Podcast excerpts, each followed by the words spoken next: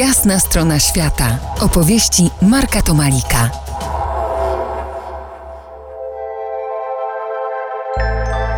Dzień dobry, Krzysztof. Dzień dobry.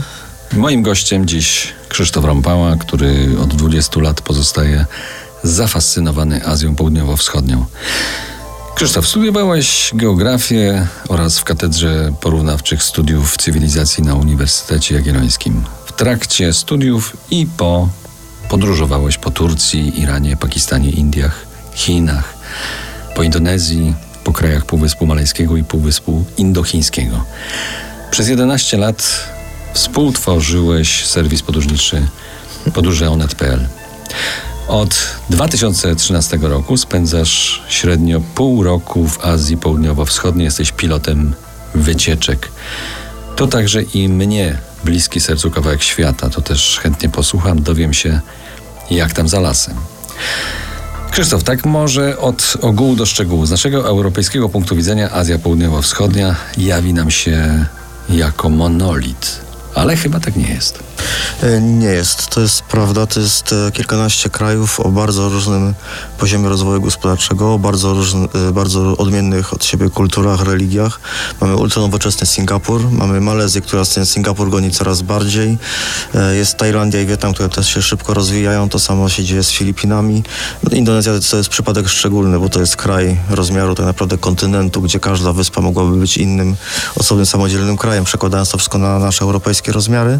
Więc jest bardzo zróżnicowana. A z drugiej strony mamy, mamy Laos czy Birmę, gdzie w wielu miejscach wydaje się, że świat stanął w miejscu 100-150 lat temu. Wydaje się, że y, o ile w miastach zmiany są widoczne, tak wieś y, wie, tam nieraz wygląda dokładnie tak samo jak w XIX-wiecznych opisach pierwszych europejskich podróżników. No właśnie, ale mamy jeszcze drugą twarz, taką, która zostaje gdzieś tam w naszej wyobraźni. Azja Południowo-Wschodnia chce się nam ciągle jawić jako egzotyka. Palmy, monarchia Tajlandii, buddyjskie świątynie.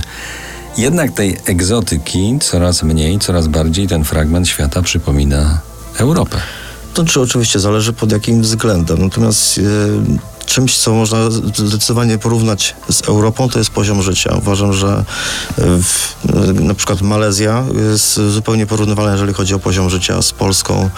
Tajlandia, Wietnam bardzo szybko te, to, te europejskie standardy gonią. Singapur oczywiście to jest ich własna liga.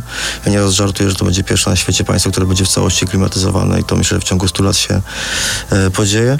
Natomiast e, generalnie to, wiecie, to jest tak, że my jak- jak, jako turyści jadąc do jakiegoś kraju, my bardzo byśmy chcieli widzieć te społeczeństwa tradycyjne. Chcieli, chcielibyśmy wiedzieć, jak ludzie żyją, e, ludzie żyją w sposób niezmieniony od, od stuleci i tak dalej, ale z drugiej strony ludzie na całym świecie mają dokładnie takie same potrzeby. Chcą lepszego życia dla siebie, dla swoich dzieci.